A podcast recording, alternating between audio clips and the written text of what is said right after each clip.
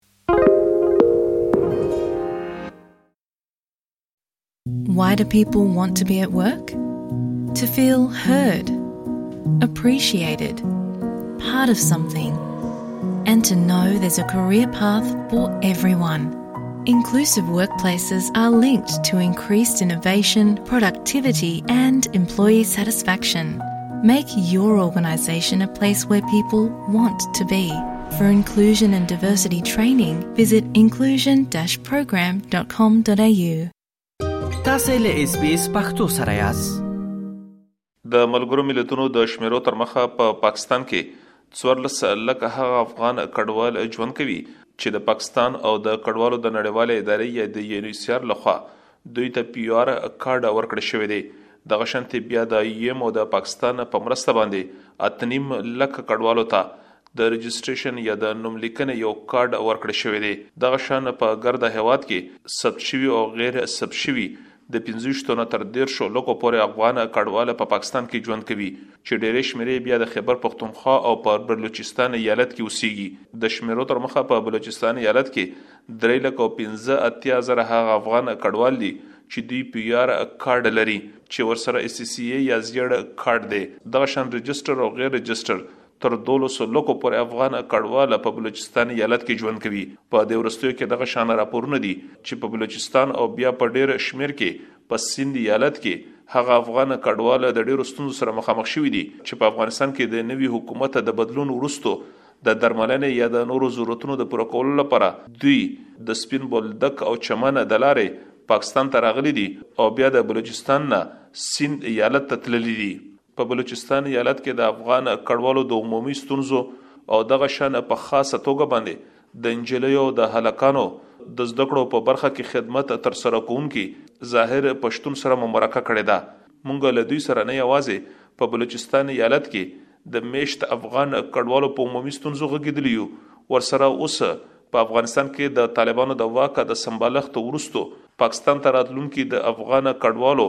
د ورپېښو ستونزو د حل په برخه کې مو له دوی سره خبرې کړې دي. د ظاهر پشتون څخه مو په پیل کې وپوښتل چې دوی د اورېدونکو سره خپله پېژندګلو وکړي او په بلوچستان ایالت کې د افغان کډوالو د عمومي ستونزو په اړه راته ووایي. سلامونه او نیک هیلې مې ومنئ. زما نوم ظاهر پښتون دی، زه په بلوچستان ایالت کې د افغان کډوالو د استازي په توګه کار کوم او بل د افغان کډوالو په بلوچستان کې د سوشل اکټیویست په توګه کار کوم. او دا رنګه کوم زموږ د افغان کډوالو لویه مسله چې ده هغه زموږ د ټولنې شاته والی یا د څل لور لسیزې چې کوم زموږ په وطن کې جګړه ده هغه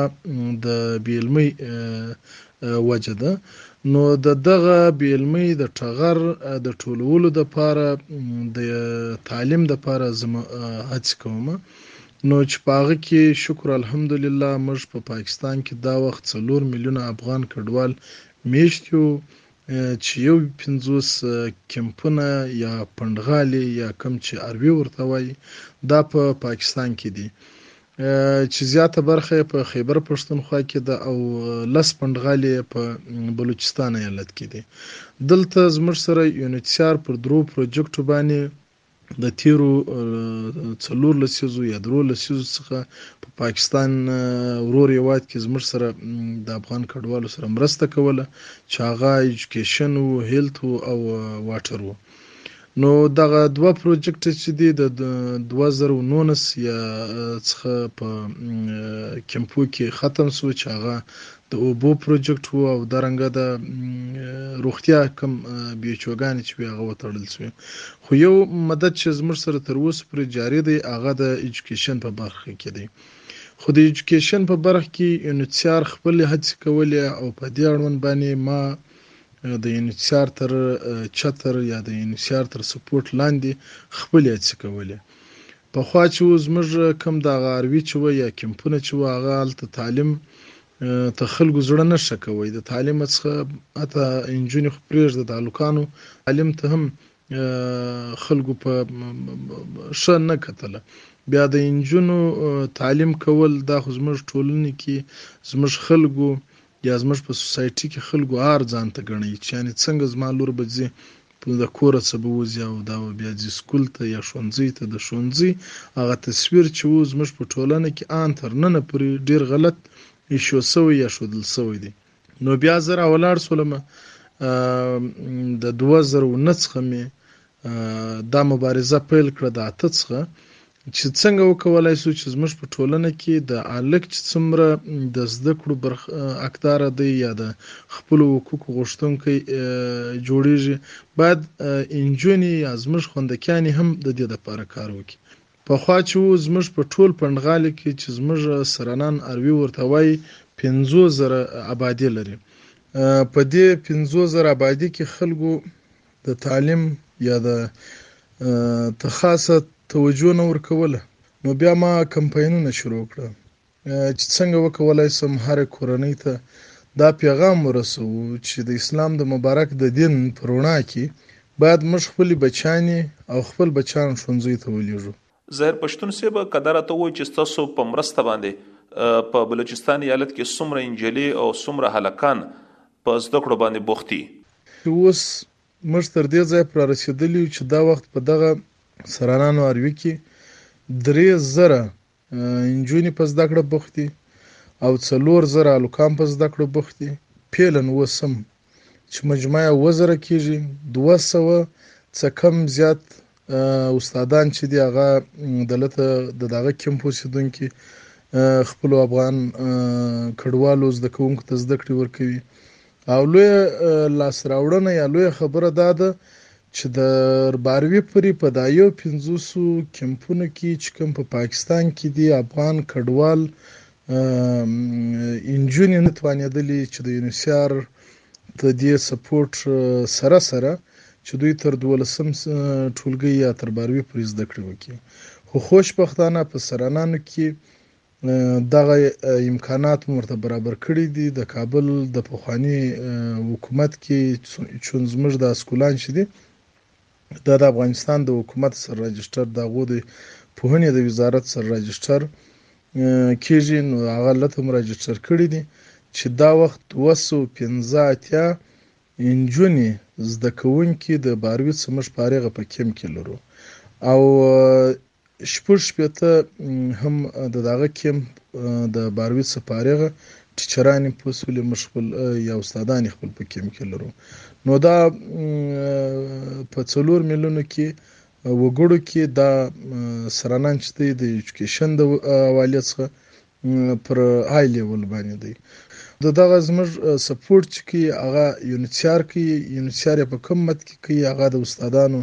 سالري یا کم تنخوا چې ته ورکي او د اول کلاس څخه تر اتم کلاس پورې دوی ته سټیشنری او کتاب ورکي د نم کلاس څخه تر باروي یا تر دولسم کلاس ټولګي پورې دا هغه بیا مدد د تیرو تقریباً یوولس کالو څخه نه زموږ سره یونسیار کړی او نه د افغانستان پخوانیو حکومتونو کړی او نه اوسني حکومت کړی دی. ښاغلی پښتون صیب په دې وروستیو کې دغسې راپورونه دي چې په بلوچستان او بیا په سند ایالت کې کډواله د ډیرو ستونزو سره مخامخ شوي دي، ستاسو معلومات څه دي په دې برخه کې؟ پاکستان څلوېښت کاله زموږ د افغان کډوالو میلمستیا کړې ده او موږ ته یې ډېره مینه راکړې ده. دا خو کوم چې په افغانستان کې پر دا پنځلس اګست دوه زره او یوویشت کې کوم تحولات راغی نو په دا سیمه کې تغیرات ډېر رااله نه یوازې په افغانستان پاکستان کې بلکې په نړۍ کې تغیرات ډېر رااله هلته د اوکراین جګړه پیل سو او دلته نامنی اقتصادي حالاتونه سره خراب سول نو زموږ افغان کډوال چون هلته دغه ځای څخه راکډه کیږي یو تعداد خو په دې خاطر راځي چې دلته د پاکستان د طریقه څخه دوی غواړي چې خارج هیوادو خصوصا اروپا او امریکا ته ولاړ شي او دویمه خبره دا ده چې هلته د اقتصادي حالت د وجې څخه زیات خلک د کراچي د پاکستان ستر صنعتي ښار هم دی او د روزګار د پاره هم غټ مرکز دی نو دوی کوشش کوي چې د کراچي ښار ته ولاړ شي خو دغه دواړو حالتونو کې که د دغه ته وګورو تورخم ته وګورو یا پرځن د سپین بولدک دروازې ته وګورو، په دې کې ډېر تغیرات راغلي دي، د پخوا په شانتې اسانیان یا وسایي نشته، اوس زموږ اکثره افغان کډوال چې راځي پر تورخم خوله د پاسپورټ پر لیول باندې راځي، مګر دلته د سپین بولدک او چمن پر لویه لار چې راځي دلته بیا د تذکرې پر مد یا پر نیشنلټي شناخت کارډ یا پر تذکره باندې هوړې او راهوړې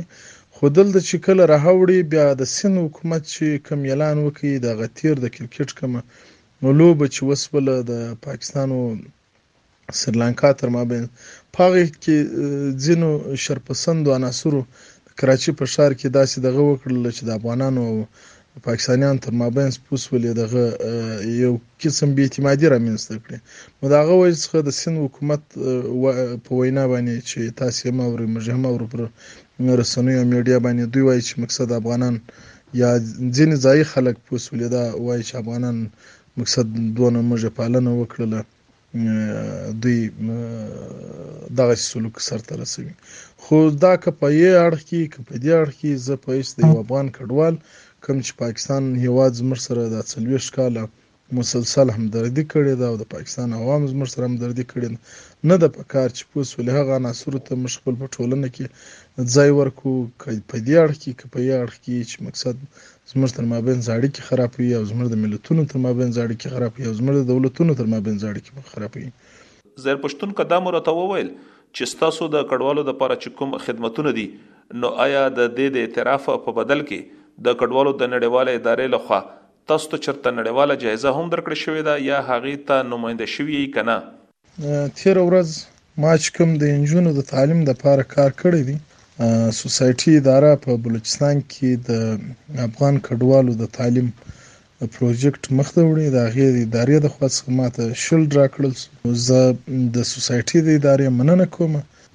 خو خپله یاداوري چې سړی کوي هغه مناسب نه ګڼم، خو کوم د UNHCR د خپلو چارواکو په اړوند باندې د ګیلې په شکل که دا وړاندې کړم، د نن څخه اووه کاله مخکې ما ته وویل چې دا د ګرل ایجوکیشن یا د رفیوجیز په اړوند چې تا کار کړی دی انټرنیشنل ایوارډ یا شیلډ چې کومه کوم ته دا د خو ورکول کیږي هغه ستا حق دی دا چې نه درکول کیږي یا ول نه درکول کیږي په هغه کې خو نو موږ حاجز یو چې څه مسله ده زر پښتون صاحب اخرنې پښتنه به دغه وي زموږ ستاسو نه چې د افغان کډوالو ستونزې په پاکستان کې څنګه راکمې دي شي اوس په پاکستان کې څوارلس لکه افغان کډوال راجسټر افغانان میشت دي چې پی وار کارډونه لري او اته نیم لکه کډوال چې دی هغه ای سی سی کارډونه چې دی آی او ایم او حکومت پاکستان په ګډه باندې دا کارډونه ورکړي دوه پروسس شوی دی بیا دا کم څوارلس نیم لکه یا څوارلس لکه افغان کډوال چې پی وار کارډونه لري دا افغان کډوال د دو کوم ډیټا چې ده هغه نوې اپډیټ سوله که نه اوس دغه څلور میلیون افغان کډوال یا درې میلیون افغان کډوال چې کوم دېرش لکه افغان کډوال یا دلته میشت دي دا خو هلته افغانستان کې دوی مړی ژوندی نیم کور هلته نیم دلته لري که نه په کار دا ده چې د افغان کډوال پر څو کتګوریو یا پر څو برخو وویشل شي. اول هغه افغان کډوال چې کوم پیوار کارډ لري د دوی ټوله ډیټا دلته په نادرا کې میشت ده یا پرته ده. نو خبره دا ده چې دغه افغان کډوال د پاره باید پیوار کارډ اجازت ورکړل سي چي افغان کډوال خپل پر پي وار کارډ وکولای سي چي ولاړ سي او راسي. پاته سو دويم اي سي سي کارډونه دي. ډيټا يې د لته پرته ده. د ملګري ملتونه هم په دې خبر دي. حکومت پاکستان هم خبر دي. د افغانستان حکومت هر ګورنمنټ چي وي هغه هم په دې باندي خبر وي. دا باید پر دې ای سی سی کارت باندې اجازه د تلو او راتلو ورکړل شي او پاتې شو کوم هغه افغان کډوال چې د افغانستان څخه اوس نوی راځي هغه افغان کډوال که پر پاسپورت باندې اجازه ورکړي یا پر تذکره ورکړي هغه بیل مجلس دی او پاتې شو کوم افغان کډوال چې دلته د تیرو څلور لسیزو یا درو لسیزو څخه دلته میشتي هغه ته باید د دوی کاډو ته اعتبار ورکړل شي زما خپل په نظر باندې چې دا د ستونزې په اوارولو کې ډیره غټه دغه اوسه اسانتیا رامنځته کوي او پاتې سو بلوچستان ته نوی افغان کډوال پندغالو ته نه دی راغلی او که راغلی وي هغه به د کوټې ښار ته راځي د کوټې په ښار کې میشته کیږي او پاتې سو د دوی دپاره یو مشخص کیمپ یا ځای نه دی ورته جوړ شوی او پاتې شو اکثر افغان کډوال چې دي تر بلوچستان د کراچي صوبه سیند ته ډیر دغه دی ولې ځکه بلوچستان کې هم دلته ماشاءالله چې دومره برابر نه دی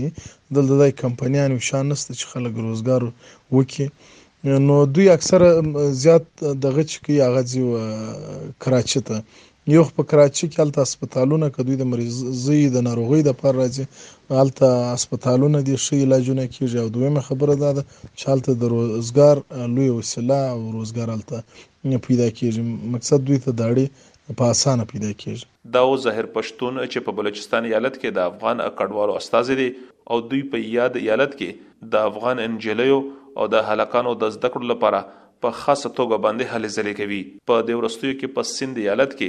د کډوالو د ستونزو د حل په برخه کې په کراچۍ کې د افغان کونسلګرۍ له خوا هم دغه ویل شوي وو چې دوی د یادو ستونزو د حل په برخه کې د پاکستاني چارواکو سره خبرې کوي خو لا تر اوسه په دې خبرو کې هیڅ کوم پرمختګونه نه دي شوي او دغه شان په ډېر شمېر کې افغان کډوال په بندیخانو کې پراته دي، دغه شان یو تن چې د خپل پلار سره د درملنې په غرض باندې کراچۍ ته راغلی و، اوس یې پلار په بندیخانه کې د اکتوبر په پنځه ویشت مه نېټه باندې خپل ژوند د لاسه ورکړو او دغه شان لا تر اوسه پورې جسد افغانستان ته د قانوني ستونزو له امله نه دی لېږدول شوی. اسلام ګل افریدي اس بي اس رادیو پېښور که غواړئ دغه سنوري کیسې هم او رینو د خپل پودکاسټ ګوګل پودکاسټ یا هم د خپل خاكي پر پودکاسټ یو اورئ